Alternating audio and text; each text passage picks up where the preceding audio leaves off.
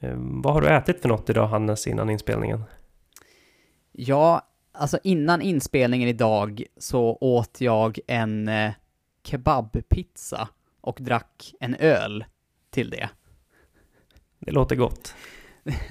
det var väldigt gott. Det är en lite, lite klassiker för mig när jag har en kväll eh, för mig själv och jag eh, är för lat för att laga mat. Så, eh, så har jag lite så grabbig egen tid och då blir det ofta att jag eh, går till eh, den lokala pizzerian, köper en kebabpizza och dricker en, en lång burk till det. Ehm, men det är lite komiskt att jag är liksom motsatsen till något slags kostexemplar just idag när vi har kost och nutritionstema med en riktig expert. Det känns lite sisådär. Ja, men eh, som vi kommer fram till intervjun så är ju det viktigaste att fylla sitt eh, behov av näringsämnen och sen så kan man toppa upp med mycket annan energi. Och du har ju haft en lite lugnare dag idag så det kan ju vara bra att du fyllde på efter gårdagens dubbeltröskel. Ja, men precis. Det är väl lite så jag brukar eh, resonera för mig själv också. Eh, när man faktiskt tittar på hur otroligt mycket kalorier man bränner under en eh, träningsdag och reflekterar lite grann hur mycket man äter så inser man ju att man kanske inte varje dag lyckas fylla den kvoten som man, som man ska. Så jag eh, drar gärna på eh, vissa dagar när jag har möjlighet och eh, äter något eh, lite extra och kanske dricker några öl som eh, ju innehåller en, eh, en hel del kalorier. Ja, men jag, jag tror på det klokt och eh, att man kan balansera upp sin kost ganska väl efter mättnadskänslor. Men vi kanske ska hoppa rakt in i intervjun då, tänker jag. Ja, men vi gör det, för vi har ju idag att bjuda er på en riktigt eh, bra och intressant och lång intervju med eh, William Englund. Du kan ju presentera honom lite närmare här innan vi tar in honom, Olle. Ja, precis. William, eller Ville som han för det mesta kallas i löparkretsar och även på Instagram, ehm, är en traillöpare som också är utbildad dietist så att han har ett, ja, men, och ett intresse för både matlagning och näring. Så vi ville dels prata om honom i egenskap av riktigt duktig löpare som prestera pallplatser på lopp som Kullamannen och Fjällmaraton. Men också i egenskap av dietist så han kanske kan ge oss lite råd och eh, riktlinjer kring hur vi som kafferumslöpare bör tänka när vi lägger upp vår, vårt matintag. Så här kommer då en lång och härlig intervju med Ville Englund. Då har vi med oss eh, ultralöparen Ville Englund. Välkommen till podden Ville. Tack så mycket för det. Kul att få vara med. Berätta lite om dig själv. Vem är löparen Ville Englund och vad gör du till vardags? Oj. Um, det här blir svårt för jag är inte så självgod av mig men eh, eh, Ville Englund, eh, brukar folk kalla mig. Jag heter egentligen William. Eh, 29 år gammal och eh, bor nu, just nu i eh, Mora där jag eh, jobbar som eh, dietist bland annat och eh, bedriver lite fysisk aktivitet vid sidan om då som är eh, eh ja, men främst eh, löpning men eh, gillar att hålla igång och röra på mig och vara ute. Mm. Har eh, idrott och rörelse alltid varit en stor del av eh, ditt liv eller hur kom du in på det här spåret?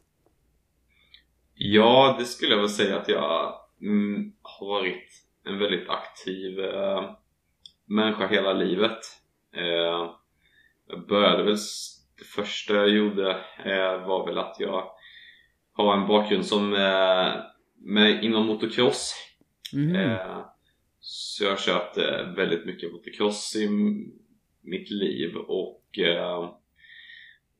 när man kör motocross eller framförallt kanske tävlar så bedriver man väldigt vid sidan om kör, körandet så bedriver man även väldigt mycket fysisk träning för att orka med. Med det var nästan, jag skulle nästan säga att det var 50-50 fysträning och 50% på hojen.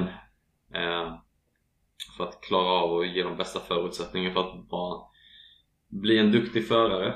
Eh, sen så, ja men åren gick och man samlade väl på sig den ena skadan efter den andra.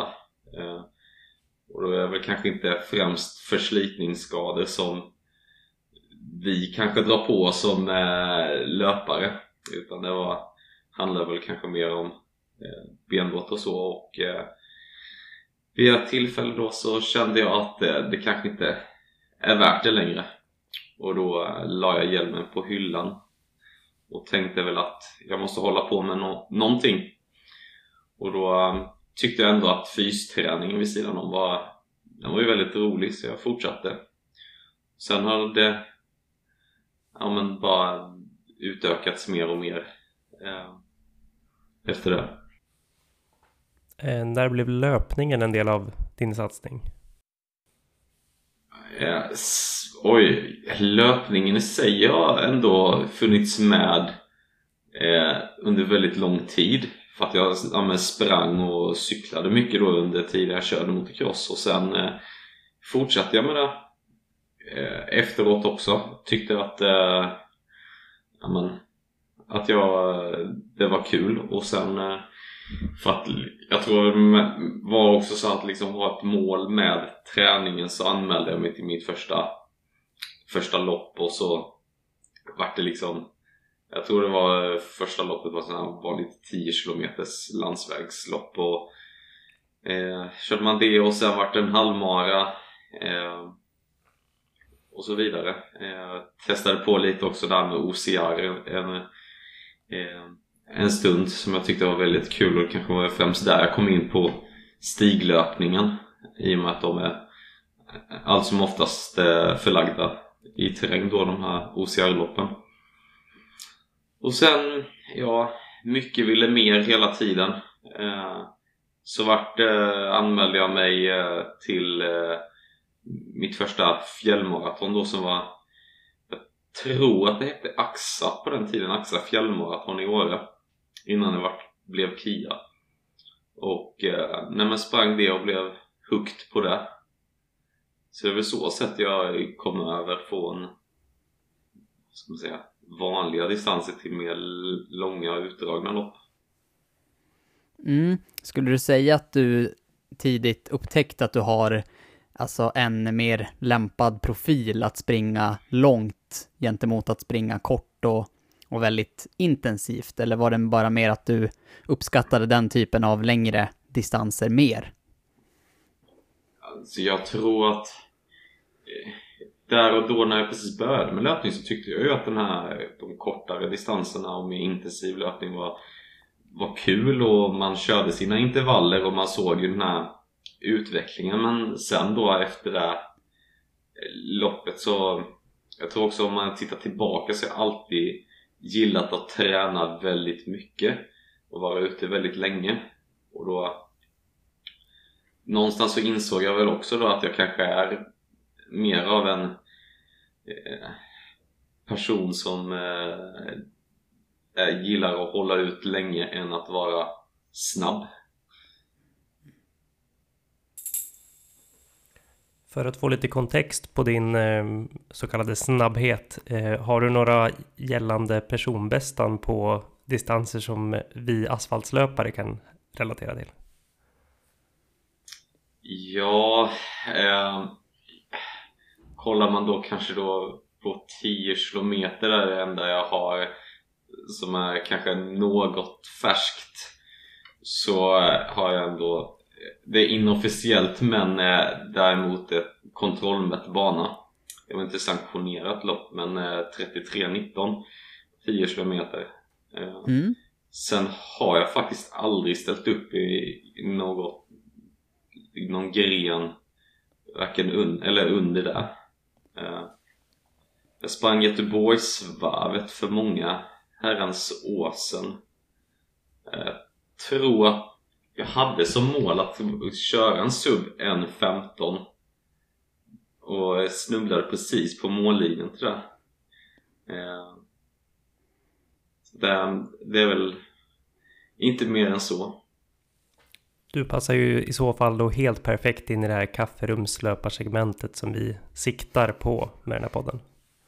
Exakt, precis.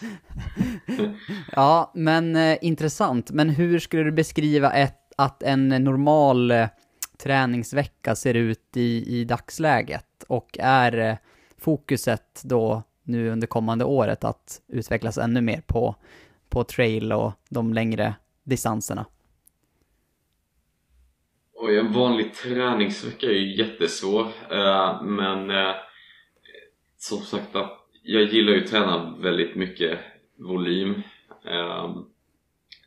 räknar inte allt som oftast så mycket kilometer sprungna utan det är väl mer tid i och med att jag, jag försöker förlägga det så gott det går i skog och, och så. Um, så att just nu under vintern så är väl lite av anledningen med varför jag bor där jag bor just nu är att eh, jag tycker väldigt mycket om att åka skidor och sådär så att eh, jag alternerar en hel del löpning med eh, skidåkning just nu.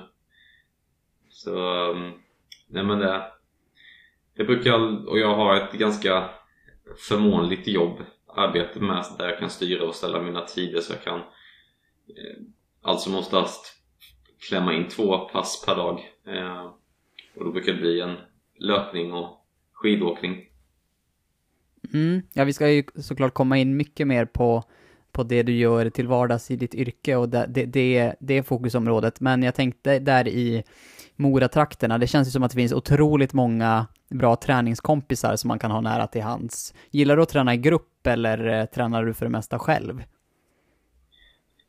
det har blivit så tyvärr den senaste tiden att jag har tränat en del själv främst på vardagar eh, för att det, det, är smidigt, enkelt och jag tränar ju oftast eh, tidigt på morgonen och eh, på eftermiddagen. Eh, men jag försöker väl att få in något eh, social träning då på helgerna.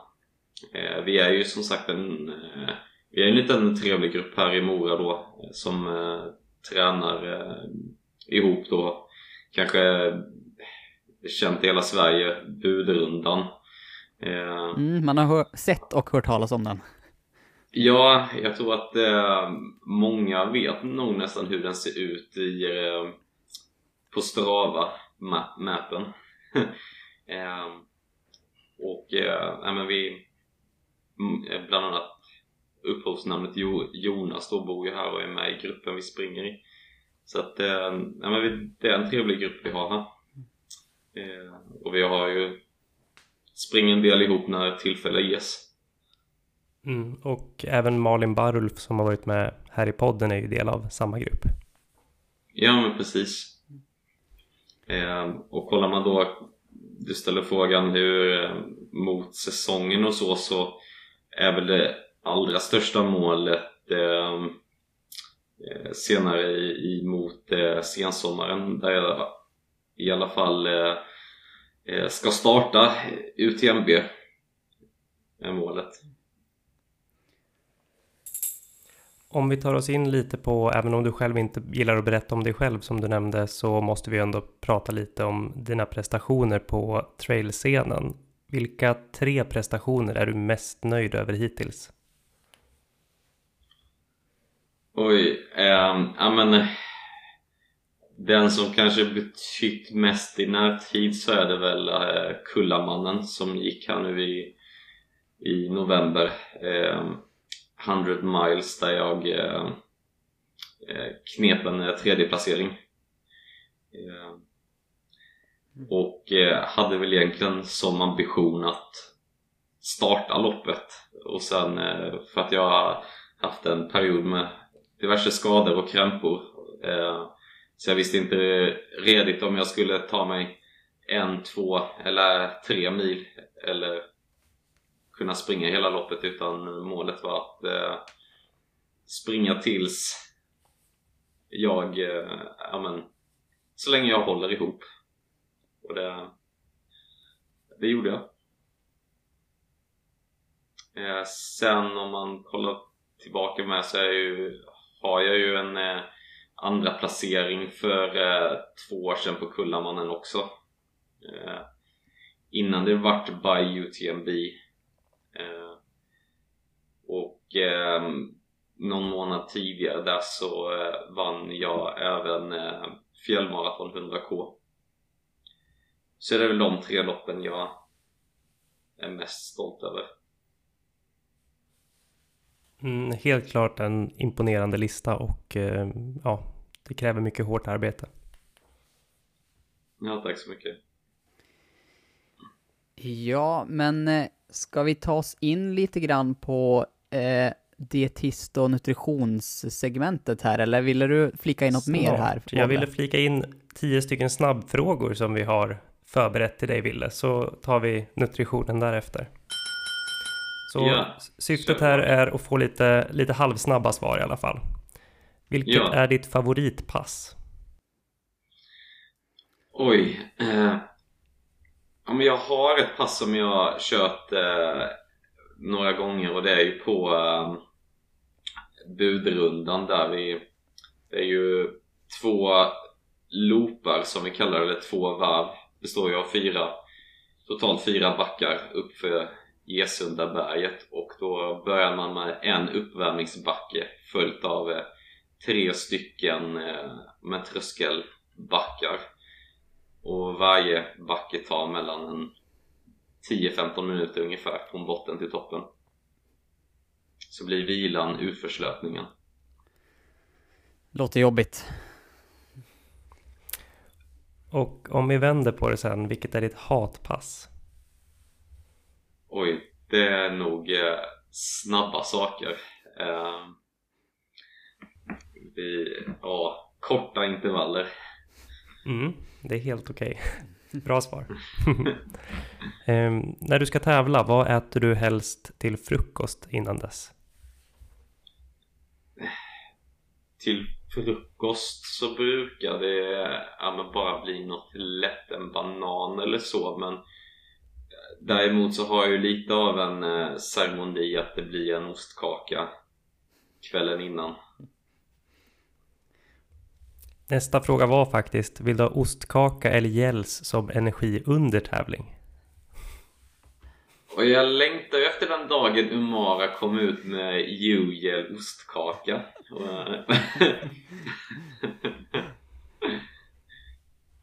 Ja, man kan, får hoppas att det, man kan variera lite kanske mm. eh, Som sagt så gillar du ju mat och energi så vilken är din favoritmaträtt? Ja, eh, det är ju faktiskt så, det är inte bara det att jag jobbar med kost och näring så, så tycker jag väldigt om, mycket om att laga mat. Lite av en sidohobby så det, det är väl främst eh, ja, men, jag har grottat in mig i pastaträsket. Mm. Om vi placerar dig på en öde ö och tvingar dig att bara få ta med dig ett par skor. Vilket par skor skulle du välja? Gisses. Men det... Det skulle nog för tillfället vara Salomons Genesis. Mm. Ja men en mängd träningsskor för stigarna kan vi säga för den som inte vet vilken sko det är. Ja, precis. Om du skulle få inneha världsrekord på någon av de här distanserna, vilken skulle du välja? 100 meter, maraton eller 100 kilometer?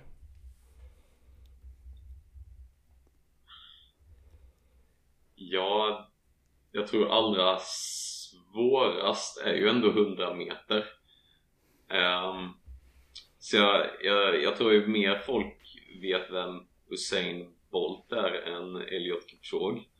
Så jag får nog säga 100 meter. Mm, Trots att du inte gillar de korta intervallerna. Det, det är bra. Ja. Du får tänka publicitet och pengar. Ja, precis.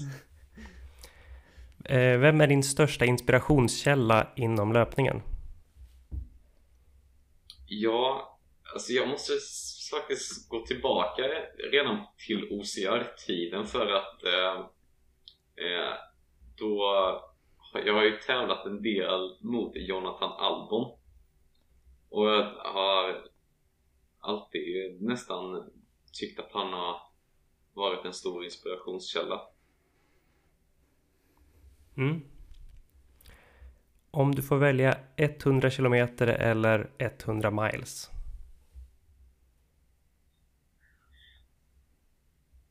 Men då får jag nog ändå välja 100 kilometer. Mm. Liten motivering.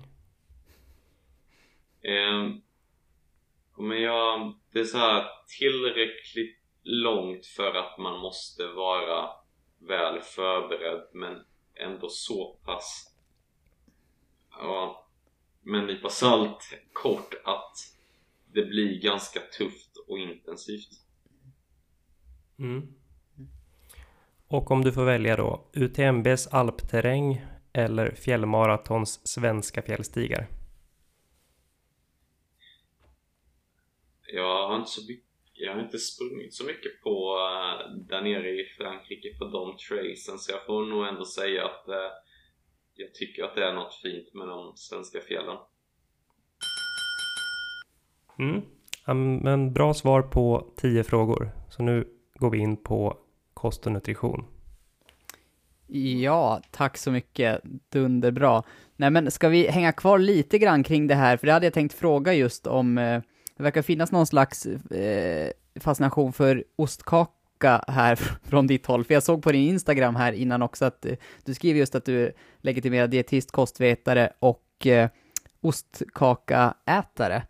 Eh, ja. hur, har det, hur kommer det sig att ostkaka har blivit en sån eh, favorit? Jag vet inte, det är nog bara att jag har alltid tyckt om det. Um, och jag är väl från, ja, men, i och med att det är väl förknippat med som en småländsk delikatess och man är uppvuxen med det så har det liksom alltid funnits med mig mer eller mindre. Och jag äter det ju ja, men, både som eh, lunch och mellanmål eller som fika mm. Eh, så att, eh, jag tror att just att och sen har det liksom blivit lite av min, min grej att eh, jag i familjen är liksom den enda som har tyckt om det så pass mycket jämfört mot de andra så det är liksom alltid varit ja men vi köper en ostkaka till Wille så blir han nöjd och så ja lite så. Fan, det, det, slår mig i detta nu. Har någon av er sett eh, julkalendern Mysteriet på Greveholm? Eh, ja. För, för det är en scen där och jag tror att det är en familj just från Småland som flyttar in i det där eh, eh, slottet och det är en, liksom en scen där de äter ostkaka. Eh, och jag är nästan hundra på att det är inspelat i Småland och att de pratar småländska och att det är smålänningar. Um, så att just när du sa att en, en småländsk dialekt, nej, dialekt, eh, di, delikatess, så, eh, så lät det väldigt eh, eh, bekant. Det måste jag eh, raskt kolla, kolla upp sen.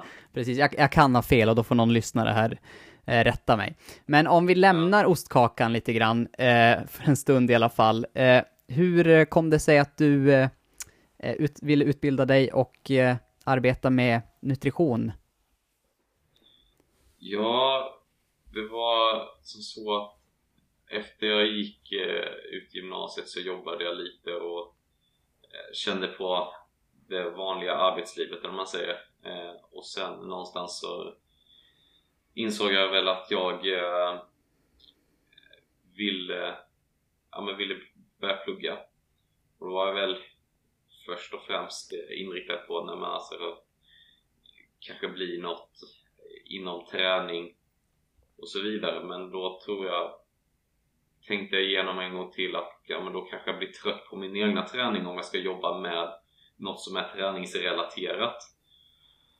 Och då tänkte jag väl att men då kanske jag kan liksom läsa till någonting som har med kroppen och att göra men kanske inte är liksom direkt kopplad till träning. Eh, så då, det är liksom på det spåret jag kom in på att liksom jag vill ja, men jag ville kanske läsa då just kring nutrition.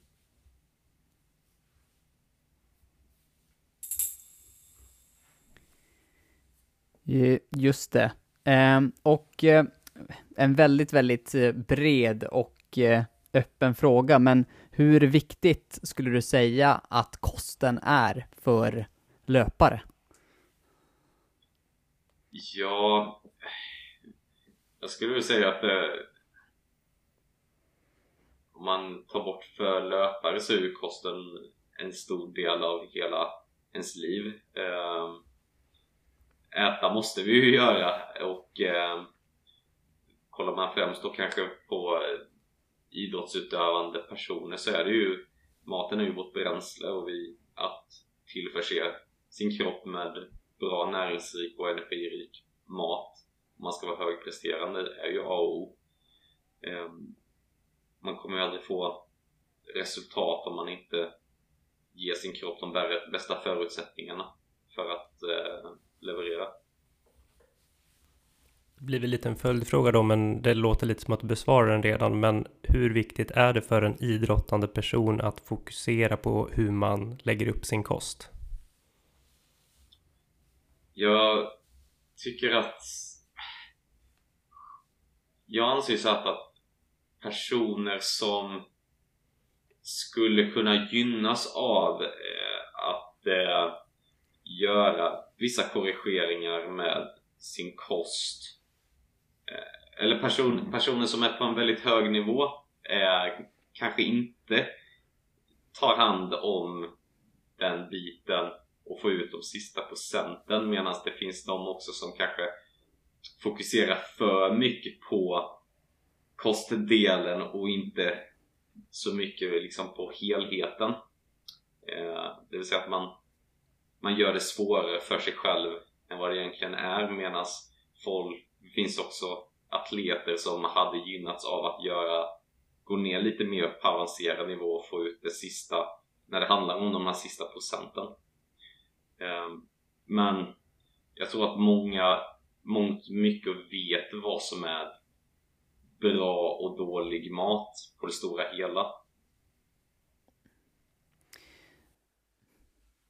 Mm, ja, men jag, jag, kan tycka att det är lite så svårt att... Eh, alltså för att man, kan lyssna på vissa elitlöpare som, eh, som får lite frågor om hur de äter och vad de äter och, och då man, man hör nästan när de svarar att det är knappt något de tänker på. Det blir liksom någon pizza här och där och det blir liksom lite, lite, lite vad de har hemma och det är liksom, de ser det lite grann som att ja, men man, man förbränner mycket energi, då måste man ha i sig mycket energi eh, och så vidare.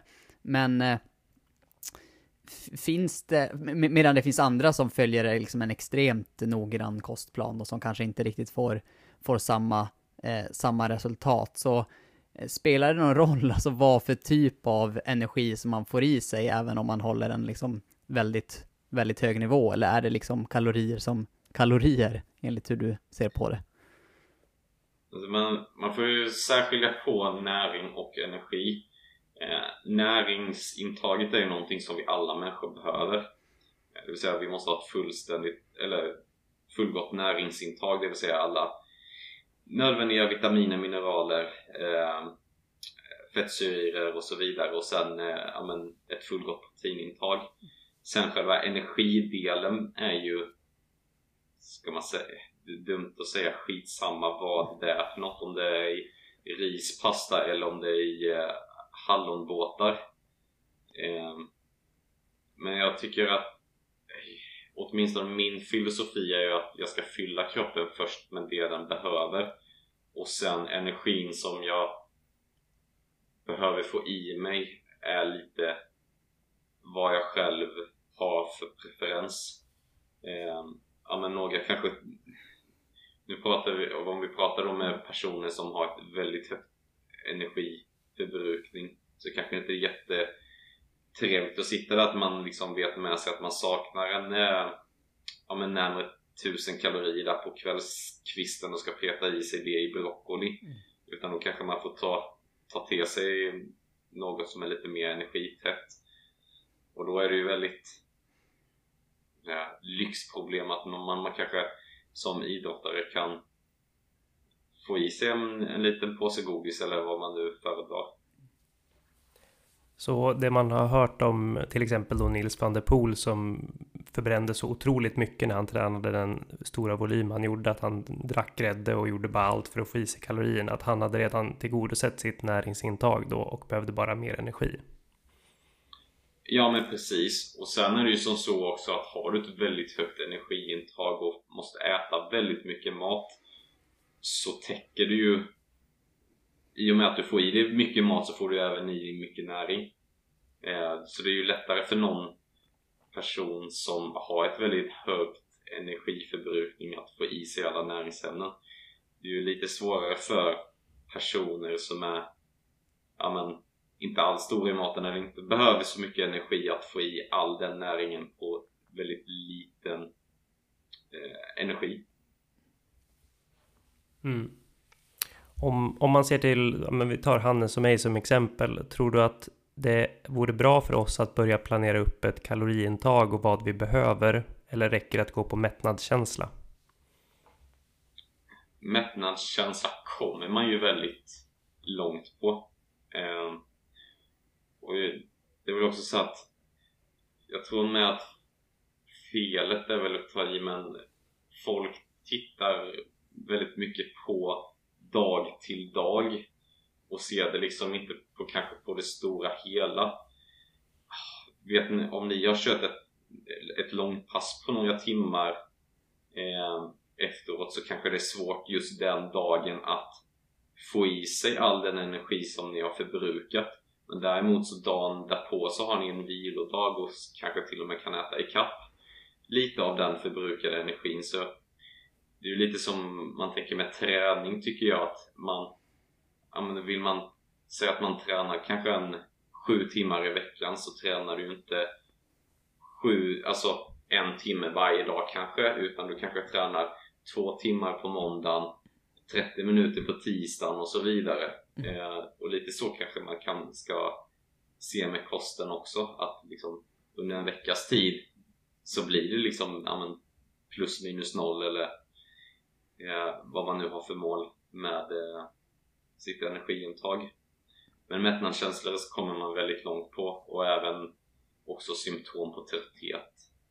Det tycker jag också. Man, man känner ju om man inte då har, har man sovit bra och eh, eh, kanske inte tränat allt för hårt och är fortfarande trött så kanske ja, men, man ska försöka peta i sig lite extra energi och se, se hur man eh, svarar på det.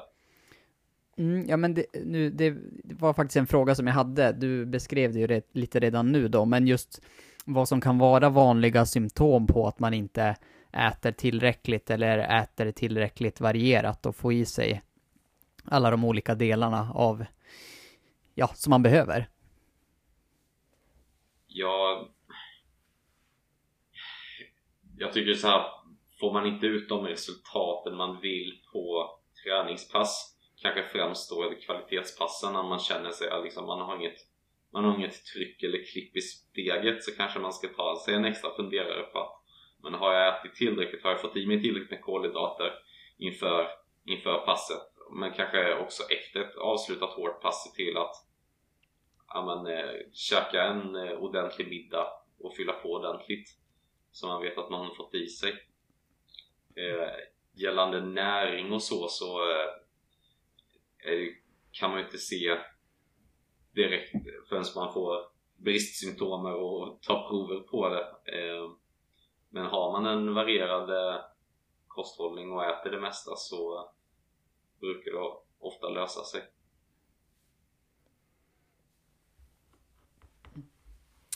Eh, kosttillskott, är det något vi borde ta ibland? Skulle säga att det beror på.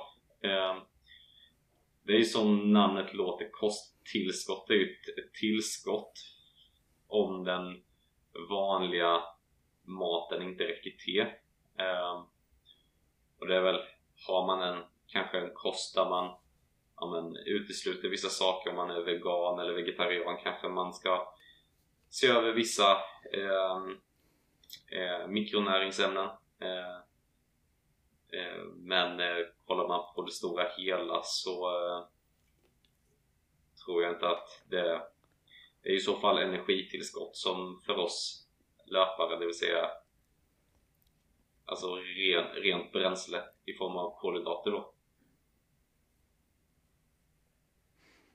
Mm. Nej men det är också en sån grej som jag pe personligen kan tycka är lite svårt att veta när man, eh, man, om man behöver, om man inte behöver. Jag äter exempelvis en eh, så här, tablett eller ett piller, trippelmagnesium eh, innan jag går och lägger mig och nu eh, under vintern här i, i Sverige så tar jag D-vitamin och eh, ja, men, ja men lite olika delar så man, jag, jag mer nästan går på känsla huruvida jag tror att jag behöver extra eller inte.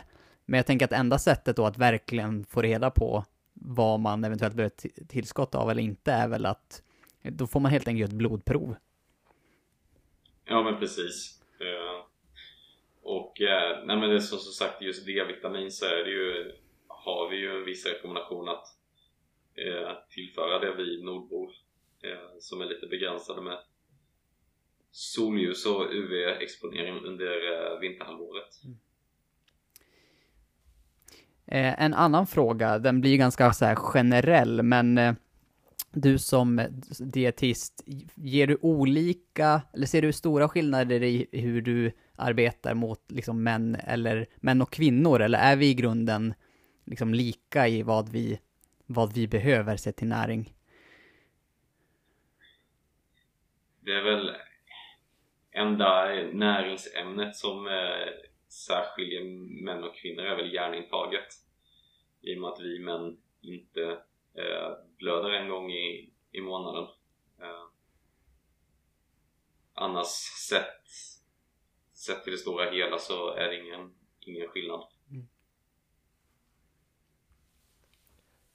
Om vi vandrar in lite mer mot eh, tävlingsnutrition och så ska jag ställa en fråga som kanske trampar Hannes på tårna här. Ehm, eh, när, när, vi, när vi springer maratonlopp så har ju Hannes haft lite en vana, ovana får man säga, att någonstans mellan 3 och 3,5 mil ja, men, få blyklumpar till ben. Känner sig ganska, ja, du får beskriva det själv om du vill bättre Hannes, men, Nej, men, men att du tappar, tappar kraften sista biten. Kan det ha med mm. kosten eller näringsplanen under loppet att göra?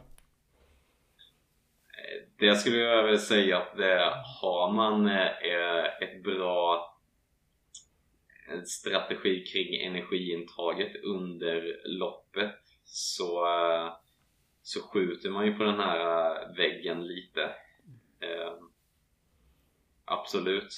Eh, sen vet jag väl också att man blir ju sliten efter ett även ett maraton men eh, kan man skjuta på den väggen så länge som möjligt genom att eh, trycka i sig ordentligt med energi innan väggningen kommer så eh, vinner man mycket på det. Mm. Nej men du beskrev det bra Molle, men det, det är ju någonting som jag fortfarande liksom får experimentera med och utveckla, eh, just den biten. Eh, och, men det är väl just det i mitt exempel, jag vet inte om du har någon eh, erfarenhet kring det William, men jag har ju en väldigt känslig mage när det kommer till att ta in eh, energi och äta för tätt inpå eller ta energi under lopp. Eh, jag har testat eh, en energiplan under Lidingloppet jag tog in alldeles för mycket och magen eh, barkade ihop helt och efter det så har jag liksom blivit mer, mer och mer defensiv. Men eh, jag antar helt enkelt att vi alla eh, löpare har, är, det är väldigt individuellt hur man kan ta in energi eller inte och hur mycket. Men eh, finns det någonting, eh, något generellt så som man kan tänka på om man har liksom lite känslig mage eller är rädd för att ta in för mycket energi under ett lopp? För i, i, lite i det facket är jag i alla fall. Jag tycker ju att lika mycket som man ska, liksom ska träna på att träna löpning eh, så ska man ju även träna på de andra bitarna. Eh, energiintag, vätskeintag, eh, kanske vad man ska äta till frukost kanske till och med middagen kvällen innan så man får in liksom man hittar ett mönster som man vet fungerar för sig själv. Eh, vad man liksom är van vid. Jag har det är ju klart det är så här, skulle vi åka till ett, ett främmande land och ja, men vi säger att vi, vi tre skulle åka till Thailand och skulle äta thailändsk mat så skulle nog inte någon av oss må särskilt bra i magen för att vi inte är så vana vid den typen av mat ehm, men däremot efter några några veckors tid spenderat där nere där vi äter samma mat och, eh, eller den typen av maten så skulle vi nog till slut vänja oss och magen kanske skulle bli lite mer vän i den miljön. Mm. Om vi ber dig att eh, ja, men komma med ett förslag, hur lägger man upp energiplanen för ett maratonlopp? Eh, ja, någonstans mellan två och tre timmar ungefär.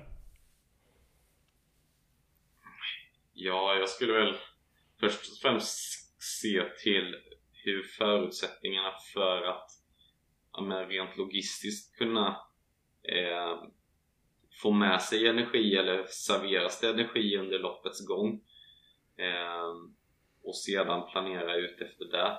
Eh, tänker man innan loppet så ja, men, räkna lite baklänges i timmar. Ja, men, jag vet med mig att jag måste, frukosten ska vara nere eh, åtminstone tre timmar innan start.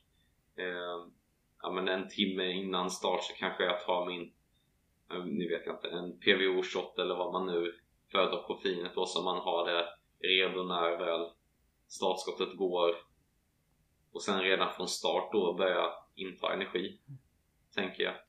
Ja, men sen veta vart energi och vätskestationerna är. Är det var femte eller tionde kilometer men då vet man med sig då att ja, men, det är en 20-30 minuter till nästa energistation men på den stationen då ska jag klämma i mig det här eller få i mig detta. Så man, man har de här, men man målar upp en bild rent logistiskt hur man kan gå tillväga. Eh, det pratas ju ofta om gram kolhydrater per timme som man vill få i sig. Hur ser du på det som riktvärden som man ska liksom hitta sin egen balans eller ser du en nivå som man verkligen minimalt ska försöka få i sig?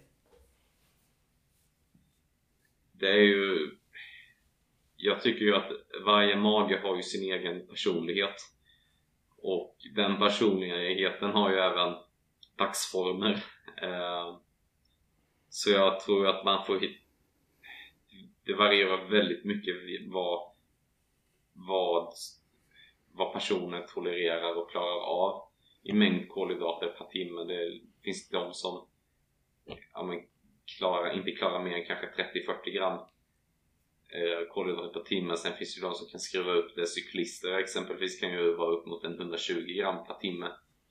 Eh, så någonstans får man ju laborera lite vad man själv tolererar. Sen är det ju mycket annat som spelar också roll. Eh, ja, men, eh, mycket med, med stress och temperatur och intensitet och så vidare. Eh, så jag tror väl att det är ju det är ju riktlinjer men man får hitta sin egen väg och vad som funkar för en, för en själv. Hur eh, jobbar du själv med energi under eh, under långa lopp och hur ser din eg egen, eget energiupplägg ut? Låt säga om du springer ett, eh, ett fjällmaraton.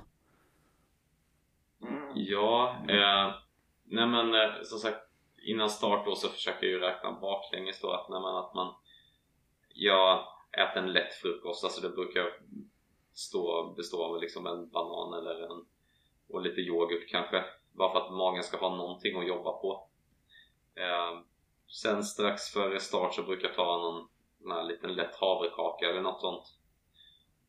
Och sen då från start så eh, kör jag igång. Jag brukar sikta på i alla fall i början att eh, försöka få i mig en eh, 100 gram kolhydrater per timme. Ehm, Eh, sen då så kör jag på det så länge liksom jag känner att magen är under kontroll på det. Skulle den börja bråka lite så får man väl ta något steg tillbaka eh, en stund för att sen försöka eh, komma igång igen. De här 100 grammen, fördelas de mest på gel eller gel och sportdryck eller hur brukar du lägga upp det? Ja, jag brukar dela upp det att jag brukar eh, endast köra gel och sen något, om det är långa lopp så brukar jag eh, lägga in något tuggbart för att, ja men som sagt, magen ska ha något att jobba med. Eh, så att det, men, och sen då, för att då jag tycker det är lätt, kör jag endast gel så kan jag även tillföra vätska utan att det ska vara energi i vätskan. Ehm, det är jobbigt om man endast eh, kör med sportdryck exempelvis och börjar må illa och inte få is. Då kan, får man ju varken i sig vätska eller energi. Så jag gillar att dela upp vätska och energi. Ehm, just det, om vi tänker mer eh, efter en tävling eller efter ett riktigt hårt pass. Eh, något som jag funderat lite grann på är, man ser ju att det är väldigt vanligt bland, eh, låt säga, styrkelyftare eh, eller gym, vanliga gym, gymmare att man står och skakar sådana här proteinshakes eh, efter passen. Ehm, hur viktigt är det för en eh, ambitiös löpare att få i sig liksom protein direkt efter avslutat eh, träningspass. Som exempelvis proteinshakes. Är det någonting som även vi löpare skulle kunna, kunna ta efter, efter våra löppass? Alltså, främst proteinshake är väl eh, ser jag väl inte som ett jättestort nödvändigt för oss men är man som du sa kanske en ambitiös idrottare överlag så är det ju och liksom vill som säga, maximera återhämtningen så ska man väl försöka få i sig någonting så snart som möjligt. Men då kanske helst gärna både protein och kolhydrater. Mm. eh, dels för att reparera eh, nedbrytningen och, och även fylla på glykogenförrådet eh, med kolhydrater. Eh, det skulle min rekommendation vara men annars är man en vanlig motionär som tränar någon gång i veckan så eh, äter man bara en ordentlig middag någon, en timme efter passet så är det liksom nog så bra. Det, jag skulle nog säga att det är en banan direkt efter avslutat pass och sen eh, så snart komma hem och äta en fullständig måltid. Det skulle jag säga är good enough. Mm. Jag tänker mig att det är ännu viktigare om man springer till exempel dubbeltröskel så att man ska veta om man ska träna mer senare samma dag. Ja men precis, det är väl om något väldigt viktigt att uh, fylla på mellan någon passet. Mm. Ja men det, det, kan ju jag prata från egen erfarenhet också just jag som springer mycket dub, dubbeltröskel och, och, och dubbelpass att, och, och, speciellt om man inte har ätit tillräckligt under dagen och eh, efter andra passet Eh, om, man går, om man inte tar någonting direkt efter passet och liksom väntar någon timme och då går på middagen, då kan man ju nästan vara helt, helt tom och nästan överäta på middagen för att man inte har eh, fått i sig tillräckligt eh, under dagen. Så det är verkligen något som jag försöker förbättra. Att bara, alltså bara att ta något litet direkt efter passet så stabiliserar man lite, lite hunger, hungerkänslan också. Ja. Kroppen är ju så pass smart alltså fuskar man under dagen så brukar det ändå komma ikapp en sen på kvällen. Mm. Ja, men eh, intressant. Eh, men eh, ett annat eh, område som jag tycker är lite intressant, jag vet inte hur mycket du, eh, eh, hur intresserad du är av det, men vad skulle du säga om alkohol i kombination med, med träning? Är det dåligt på något sätt att dricka alkohol före eller efter träning och har det någon slags påverkan på, på vår form? Alltså alkohol är väl eh, en av de få sakerna som verkligen är bevisat är ett gift för kroppen. Eh, Fan. Så jag skulle väl aldrig rekommendera någon att, eh, att inta alkohol jag vet må, må, många säger att man, de blir eh, det kan ju vara så så tar man en, eh, en öl kvällen innan kanske du får en till att eh, lugna nerverna lite om man får en, en god natts sömn men eh, jag, jag, kan aldrig rekommendera någon att eh, inte alkohol. Eh, och kollar man på prestation och så så kanske har man, dricker man alkohol en kväll och kanske blir så illa däran dagen efter så kanske det blir träning som utesluts. Eh, ja, vilket kan, kanske kan vara negativt. Men som med mycket annat så tänker jag att måttlighet är ganska viktigt och eh, det kanske är svårt också för oss eh, som har en viss förkärlek för öl. Vi har ju alla här som sitter i videochatten sett Hannes ölburk fram och tillbaka. Precis, jag känner mig som någon jättealkis här kan jag säga. Jag sitter inte och dricker öl var, varje kväll, men det, det, jag, jag, jag, eh, det, det är en förkärlek som jag har, ett sätt att bara koppla av efter en lång dag. Och jag har väl inte sådär eh, märkt eh, att jag på något sätt har blivit eh, att, det, att det gått ut över min träning. Sen vet jag inte om, det, om jag på något sätt skulle kunna utvecklas ännu mer om jag, om jag helt och hållet skulle ha, skulle ha skippat det. Men jag tänker att det kanske är en skillnad att ta en, två öl en kväll än att eh, ja, dricka väldigt mycket flera dagar i veckan. Måttlighet som ja, Molle sa. Precis. Precis.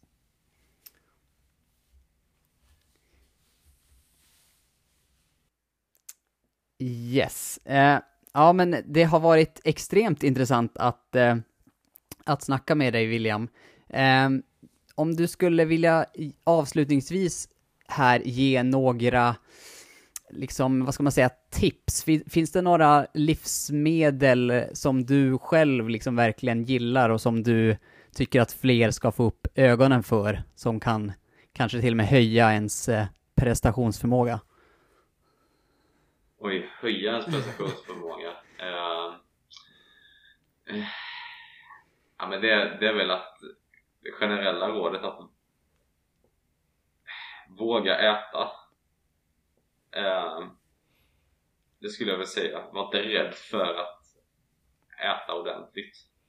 Uh, jag brukar säga att man ska äta för att träna och inte träna för att äta. Så det skulle vara mina ett bra sista eh, råd. Och eh, ät mer ostkaka kanske? Ja men precis som det liksom får vara ett livsmedel som jag kan rekommendera. Finns det något speciellt, ah, okej okay, om, jag ska, om jag ska gå till Coop här imorgon och, och köpa en ostkaka, är det något speciellt märke som du eh, rekommenderar eller måste jag göra min egen eh, ostkaka? Alltså allra godast är ju hembakt. Eh, det är ju lite, ja men du vet när man bakar hemma så det är ju fint. Eh, sen finns det ju inte utbudet av ostkakor är inte lika stort som nere i Småland. Så det är... Nej, just det. To go ostkakan är ju alltid Fröding och jag tycker att den är väldigt fin. Så jag får väl rekommendera den. Mm. Jag tror att Ica och Coop de har sina egna märken men den, den har inte riktigt eh, slagit hos mig. Okej, okay. ja men Fröding är ett bekant varumärke. Det ska jag sikta in mig på. Mm. Ja men då får vi tacka så mycket för att du ville vara med och snacka lite med oss och vi önskar lycka till med träningen och satsningen mot UTMB i höst. Tack så mycket. Kul att få vara med. Ja, men då tackar vi eh, ännu en gång Ville Englund för hans eh, deltagande i podden och jag känner att jag eh, har fått en hel del att tänka på och utvärdera i min egen kost efter att ha pratat med, med Ville. Ehm, eller vad säger du Molle? Jo men absolut. Det, jag, jag är väl en sån som också tänker ganska lite utan fokuserar ganska mycket på att hålla mig mätt och äta hyfsat bra saker som jag tror är bra utan att egentligen vara så speciellt påläst.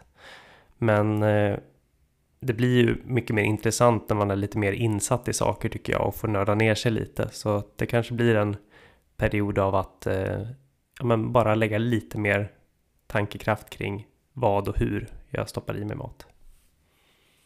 Mm, och så ska jag gå rakt till eh, Coop här imorgon och köpa Frödinges eh, ostkaka. Eh, det känns som, att, så, som ett måste efter den här intervjun. Ja, men det låter bra. Jag har för mig att, det är, att man ska ha grädde till också.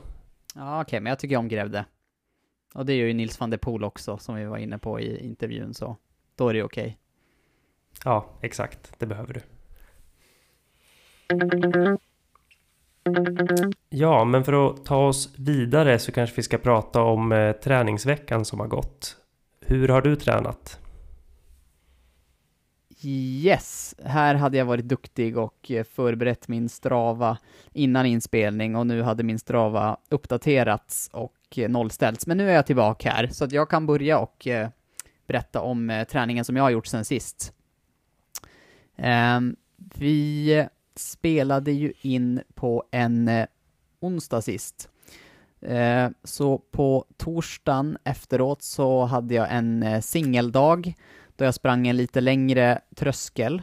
Ehm, jag körde sju gånger tre minuter, två minuter, en minut med 45 sekunder, 40 sekunder och 30 sekunders ståvila. Och jag sprang eh, tre minuterna i 3.25 fart, två minuterna i 3.20 fart och en minuterna i ungefär 3.15 fart. Eh, och eh, det kändes bra. Eh, nöjd med det passet. Eh, och fick ändå ganska många minuter i rätt så, rätt så, ja men bra farter. Eh, på fredagen så körde jag en eh, återhämtningsdistans på 11 kilometer drygt. Skrev att det var kallt och krispigt utomhus.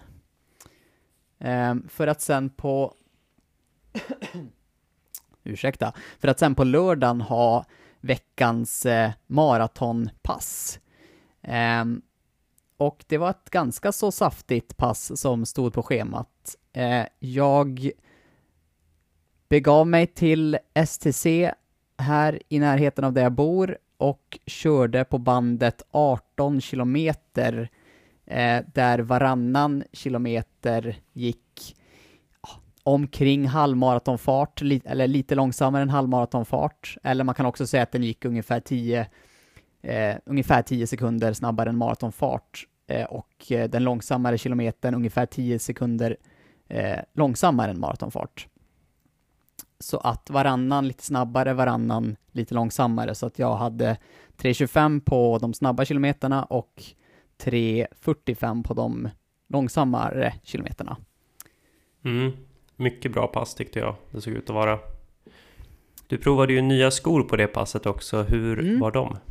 Ja men precis. Eh, jag provade eh, Misunos eh, kolfibersko som heter Mizuno...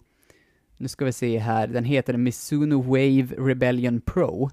Och eh, för den riktiga skonörden så är det faktiskt så att Mizuno, ja, bara för någon månad sedan, eller om det bara rör sig om veckor, har faktiskt släppt en Mizuno Wave Rebellion Pro 2. Men jag hittade ettan för ett, ja men riktigt bra pris. Och jag tittade även på lite så tidiga recensioner som kommit ut av tvåan och eh, det var ett par stycken som, som, eh, som jag ofta lyssnar till och som har bra råd som sa att det inte, hittar du ettan till bra pris så kanske det inte är värt att, eh, att gå på tvåan, tyckte de. Eh, och då, då följde jag deras råd. Jag, jag köpte ettan och testade det på det här eh, passet och eh, den kändes riktigt bra. Eh, jag tycker väl alltid att det är lite vanskligt att eh, efter bara ha provat på ett löpband eh, en ny sko. Det är väl det jag kan tycka är lite svårt ibland när man testspringer på löpband i butik eh, en ny sko. Det är såklart jättebra att göra det, men jag tycker att det känns annorlunda att springa i den på ett löpband mot vad, ut, vad det gör ute på, på asfalten. Men jag fick ett väldigt bra första intryck och det som jag tänkte på, minns jag när jag sprang, var att det kändes lite som en mellanting mellan en Vaporfly Next Percent 2 och en Alphafly 1. Um, ehm, den var liksom, uh, den kändes väldigt responsiv, uh, inte riktigt lika så här, mjuk som en Alphafly kan kännas, men lite, lite mjukare än vad en Vaporfly eh, 2 känns. Så den, den hamnar någonstans däremellan och det tyckte jag passade mig ganska mm. bra. Eh. Ja, det låter lovande. Man, jag blir också sugen på att prova den faktiskt. Mm. Eh, sen ska jag säga att man kan ju googla eh, skon om man vill se hur den ser ut. Den har en väldigt, väldigt speciell geometri där nästan eh, en bit av hälen är helt bortklippt. Eh, och det känner man ju verkligen när man går i skon. Jag tror att det är den mest obehagliga skon som jag någonsin har gått i. Eh, så det är, ingen, det är ingen sko man ska gå några promenader i. Och man känner liksom extremt tydligt att eh, den är som mest eh, liksom uppbyggd och eh, liksom gjord för att man ska träffa liksom mitt på foten eller till och med lite framfoten. Eh, väldigt, väldigt tydligt. Det känns att den är mer inriktad mot ett sånt typ av steg än någon annan sko som jag har provat, så att jag skulle absolut inte rekommendera den här skon till någon som springer med en härlig sättning. Det tror jag inte är en bra idé, men om man landar mellanfot, framfot så är en riktigt skön sko. Mm. Ehm, ja, ja, men så det var passet. 18 km on-off. Så det blev totalt då 18 km rakt av i 3.35 fart. Så, ja, någon sekund snabb, långsammare än kilometer per kilometer mot vad jag vill ha nu i Barcelona, men jag ligger hellre lite på rätt sida eh, och har en bra känsla än att jag pushar, pushar det alldeles för hårt. Eh, men det kändes fint. Sen på söndagen efteråt så sprang jag två timmar lugnt i 5.09 fart som en återhämtningsdistans. Eh, sen veckan vi är inne i nu, den eh, kommer bli lite speciell sett mot hur maratonblocket varit fram till idag. För på lördag imorgon, när ni som lyssnar lyssnar, så springer jag 3000 meter på Vinthundsvintern. Så, eh, ja, veckan, det jag har sagt till mig själv, och det är väl så jag kommer att tänka genom hela året, att jag, jag kommer alltid ha en tävling som jag lägger upp min träning mot, men det betyder inte att jag inte kan tävla liksom under tiden, att lägga in tävlingar i träningsblocket. Eh, så att jag, jag vill fortfarande behålla volymen som jag har haft eh, under det här blocket även under den här veckan. Så jag vill hamna någonstans mellan 13 och 14 mil den här veckan. Men jag kommer eh, dra ner på intensiteten in mot eh, lördagen eh, för att kunna ge mig själv chansen att komma hyfsat fräsch och kunna springa bra helt enkelt. Men vi kan prata lite mer om hur jag tänker inför loppet snart. Jag kan fortsätta bara gå igenom eh, träningen som jag hunnit göra. Eh, så i måndags sprang jag eh, två gånger eh, en timma, så 24 kilometer blev det. På tisdagen körde jag dubbeltröskel, eh, förmiddag fem gånger sex minuter eh, med 90 sekunder ståvila eh, mellan 3.35 och 3.30 fart. Eh, på eftermiddagen körde jag eh, 40 gånger 45-15. Där eh, första 10 gick i 17,6, andra 10 i 18,0, tredje 10 i 18,4 och fjärde 10 i 18,8. Jag börjar gilla det passet och det är när man lägger det progressivt på det sättet så blir det som att man, man höjer eh, farten i takt också med att kroppen blir varmare och mjukare. Så det känns nästan bättre och bättre genom hela, genom hela passet för att om man är på, ja men din och min nivå Molle så är, så är det inte så jobbigt att springa 45 sekunder i 17,6 som man ju börjar passet med. Nej, precis. Det är ju ändå ganska genomlidbart. Precis. Eh, men det kändes bra där på tisdagen. Eh, och sen idag inspelningsdag så har jag eh, sprungit eh, en singeldistans en timma i eh, eh lugn fart, 5.13 fart. För då kan jag ju, ehm, ja men fortsätta lite grann så som jag tänker här in, in mot, eh, in mot lördagen, så eh, egentligen det enda som jag kommer lägga in, det är i, på torsdagen, så i, igår, när ni som lyssnar, lyssnar, så har jag sprungit ett, eh, två distanspass, men ett av distanspassen så har jag sprungit 10 gånger 200 meter eh, i tävlingsfart. Eh, eller den min tänkta tävlingsfart för 3000 meter, så då får jag ändå in två kilometer i tävlingsfart med vila emellan för att få någon slags eh, liksom stimuli och eh, vänja kroppen vid vilken fart som, som jag ska springa för att det blir ju väldigt intressant skulle jag säga att se vad jag kan springa på lördag. Jag har ju sprungit 3000 meter, men bara utomhus. Jag sprang ju det två gånger utomhus under 2023 och bägge gångerna sprang jag på 8.56.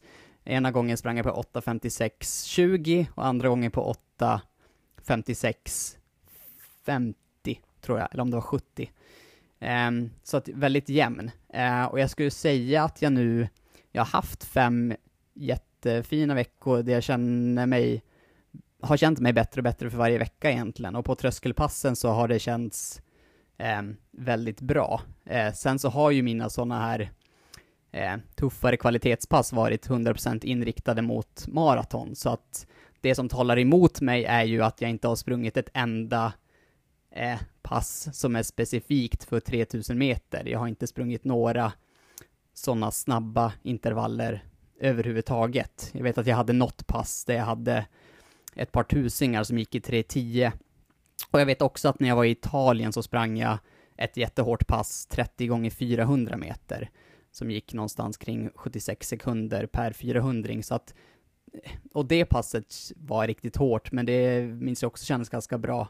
Men sen så tror jag att jag, det här kommer bli lite grann att jag sätter tröskelupplägget lite på sitt, eh, eh alltså på, sätter det på prov helt enkelt och ser om jag kan eh, springa riktigt snabbt trots att jag mestadels bara har sprungit lugn, eh, lugn tröskel och eh, maratonträning. För jag är egentligen inte så orolig över att jag inte ska ha snabbheten, för jag är ändå hyfsat grundsnabb, så jag hoppas att jag eh, ska kunna ja men till och med hota mitt pers på lördag, trots det här. Mm.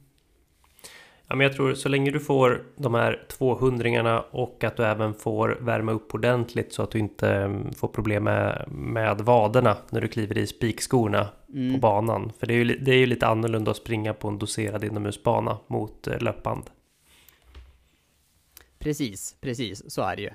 Eh, sen tror jag bara liksom att själva, det är ju, Vintundsvintern är ju ett eh, ja men jag har inte sprungit det än, men så som jag har förstått det så är det ju ett väldigt sådär, eh, liksom det är en väldig, väldig bredd eh, på löparna som är, eh, som är med och det är ett väldigt, jag tror att det liksom är en, eh, eh bara en atmosfär under Vintundsvintern där man kan tillåtas att, tillåtas att springa väldigt, väldigt snabbt.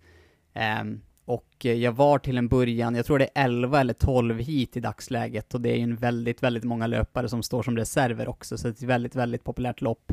Och jag var inledningsvis i hit 4. De två första hiten är ja, men, rena elithit. Första hitet är ja, men, jätte, jättesnabba löpare. Um, hit 2, fortfarande svensk elit på många som är där. Sen blev jag uppflyttad från hit 4 till hit 3, för det var en löpare i hit 3 som ville gå ner till hit 4 och då hörde Lorenzo av sig och frågade om jag ville eh, flytta upp ett snäpp. Och då tackade jag ja till det, så jag tror att de långsammaste i mitt hit har angett att de vill springa på 8.55. Och det skulle ju vara en sekunds PB för min del, så att min plan är bara liksom att lägga mig i tåget där och eh, och bara hänga med för glatta livet. Jag tror att det inte kommer vara några problem i 2000 meter, sen blir det väldigt intressant att se om jag orkar sista tusingen eller om jag kommer eh, tappa fart där helt enkelt. Men jag, skulle jag ramla in på 9.02, 9.03 så kommer jag inte vara så besviken över det heller. Men eh, ja, jag ska, jag ska göra allt jag kan. Mm. Och jag kommer sitta och följa det med spänning på distans toppen. Det, det, behöver allt, allt stöd jag kan få. Det kan vi också tipsa då våra lyssnare om innan jag lämnar över till dig här Molle. Jag såg att eh, studenterna eh, kommunicerade ut att det går att se Vintundsvintern live på YouTube. Eh, så antingen att man söker på Vintundsvintern 2024 på, på YouTube så hittar man det nog rätt snabbt, eller att man går in via studenternas Facebook-sida så kan man hitta en länk till eventet där man kan se det live. Yes, ja, men det, de är alltid duktiga på att arrangera och streama evenemang. Precis. Men eh, Molle, hur går styrkesatsningen? Ja, jag vet inte. Det styrka och styrka, men eh, lite, lite, lite gott och blandat. Jag tror det kan komma lite sån här bildbevis på att man kanske har försökt sig på lite bänkpress i veckan som har gått. Ja. Men det... Eh, den, den, eh, vi får se om jag vågar lägga upp den på Instagram. Jag ska... Det tycker jag vi ska försöka ordna. Ja, vi får se. Eh, ja, nej men jag försöker väl eh, harva på egentligen med lite olika träningsformer och eh, förra torsdagen så försökte jag lägga in lite mer av ett traditionellt tröskelpass. Och jag tänkte egentligen bara, men vad skulle jag sprung, gjort i löpmässigt? Jo, men då hade jag sprungit 5 gånger 6 minuter, hyfsat kontrollerat någonstans i zon 3 pulsmässigt. Så jag körde då 5 gånger 1500 meter på stakmaskin. Vilket blev typ 6 minuter och 15 sekunder för min del. Så det är typ samma sak som jag ser det. Och eh, jag körde en minut ståvila, 15 minuter uppstak och 15 minuter nedstak så att säga. Mm. Och eh, ja, men mycket kontrollerat och fint. Eh, De ja, var på de här lite sämre maskinerna som de har på mitt gym. Men höll mig pang på i zon 3 hela vägen och bara lite så här värme. Det blev jobbigare med värmen kan man säga. Mm. Snyggt. På fredagen så la jag in en sedvanlig vilodag och försöker hålla det som vanligt trots, eh, ja, trots att man inte springer. Och på lördagen vill jag ha ett, ja, men ett riktigt långt pass. Jag hade som mål att sikta på någonstans mellan två och tre timmar. Och eh, till slut så blev det tre timmar. Och jag hade planerat att stå ganska länge på stakmaskin. Men när jag kom till gymmet så stod det en snubbe som brukar stå på stakmaskinen på gymmet. Så jag bara, ja men då, då kommer han säkert hålla på ett tag. Så jag satte mig på en spinningcykel som var precis bredvid stakmaskinen så att jag skulle kunna kasta mig in så fort han var klar så att ingen annan skulle tränga sig före. Mm. Eh, och när jag hade cyklat där en halvtimme och tänkte att ja, men snart måste han vara klar. Då, då tittade han upp och ja, hade en vattenpaus och eh, då frågade jag hur länge ska du köra? Ja, mellan tre och fyra timmar säger Ja, han. herregud. Ja, och då ja, ställde jag frågan, är det Vasaloppet du tränar på? Ja, precis. Ja. Ja, det är ju svårt det där, för det är ju... eh, Det finns väl inga så här. eh, I teorin så skulle man väl kunna stå vid en maskin en hel dag utan att man begår något brott direkt. Jo, jag, jag vet inte riktigt vad kutymen är, men tre och fyra timmar är långt Ja, när det ja. bara finns en enda stakmaskin. Mycket, löpan finns det i alla fall fler av, Ja. oftast. Ja, nej, det, man blir, det Men- blir lite mer... eh, Kanske att man har ansvar som eh, gymbesökare om man vet att maskinen man använder är väldigt, väldigt begränsad. Att man kanske, ja, inte, inte tar upp eh, all tid. Mm. Nej, men han tränade i alla fall på ganska hårt, så det var, det var kul att se att det inte var någon som stod och slöstakade i tre, fyra timmar. Nej, men det är en förmildrande omständighet, helt klart. Ja, nej men så för min del så blev det då att jag satt i två timmar på spinningcykeln och sen några minuter efter två timmar där så såg jag att han började packa ihop så då hoppade jag direkt över till stakmaskinen och eh, körde en timme där också. Och Eh, ja, så tre timmar totalt. Ehm, jag hade med mig en vattenflaska och en flaska sportdryck för att liksom hålla energinivåerna hyfsade och inte bli uttorkad på tiden. Och eh, svettas kopiösa mängder på spinningcykel av någon anledning. Jag vet inte riktigt varför. Men just spinningcyklar får mig att bara drypa av svett. Um, men så det var några sådana här typ 10 sekunders pauser, springa av spinningcykeln, hämta lite pappershanddukar, torka av mig Mm. och sen tillbaka. Så att några sådana blev det på, på de här tre timmarna. Men totalt typ en, två minuters vila på tre timmar. Ja, äh, riktigt eh, bra pass åtminstone. Mm, nej, men det var jag mycket nöjd med. Eh, sen på söndagen då så blev det ja, men bara 30 minuter lugn spinningcykel för att värma upp för styrkepass. Eh, sen blev det en timma styrka. Eh, ganska blandad styrka skulle jag säga. Lite mer fokus på neder underkroppen så att säga. Så allt med, från tåhäv med viktning, vikter till eh, ja, squats eller vad det benböj heter på svenska, marklyft, lite av varje så att säga. Ehm, sen det var den veckan som slutade runt 10 timmars träning. Så det känns ändå som att jag liksom får in tiden, vilket känns väldigt bra. Och i måndag sen då så vill jag göra ytterligare ett lite mer kvalitativt pass och få in ganska mycket tid runt tröskelintensitet. Ehm, ja, zon 3 någonstans mellan de båda trösklarna så att säga. Så då blev det återigen stakmaskin och jag körde 12 gånger en kilometer. Och eh, en kilometer på stakmaskin tar ungefär typ 4, strax över 4 minuter, 4-10 ungefär. Så mer eller mindre 50 minuter tröskel på det här passet med 40 sekunders stå och vila mellan varje intervall.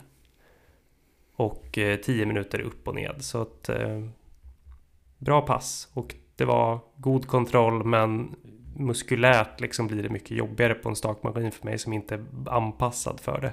Så jag fick slita rent av den anledningen på de sista två. Det låter väldigt jobbigt åtminstone.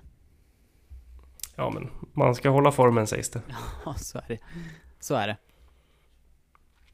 Och tisdagen sen blev lite repris av söndagen kan man säga. Så det var också en halvtimme spinning som lite uppvärmning. Och sen ett styrkepass som nu den här gången var lite mer inriktat mot bålen och eh, ryggen. Och även då den här beryktade bänkpressen kan ha hänt under det passet. Hur, var, var det första gången som du bänk, liksom pressade i den här styrkeperioden eller? Ja, jag tror det. Jag tror jag råkade... Nej, jag har nog inte bänkpressat eh, mer än ett lyft för att bara för att någon gång, enstaka gång på flera år. Mm. Så att ja, jag brukar, just bröstmusklerna brukar jag aldrig träna men den här gången kände jag att det var Det var en ledig bänk och då tänkte jag då kan jag väl testa lite.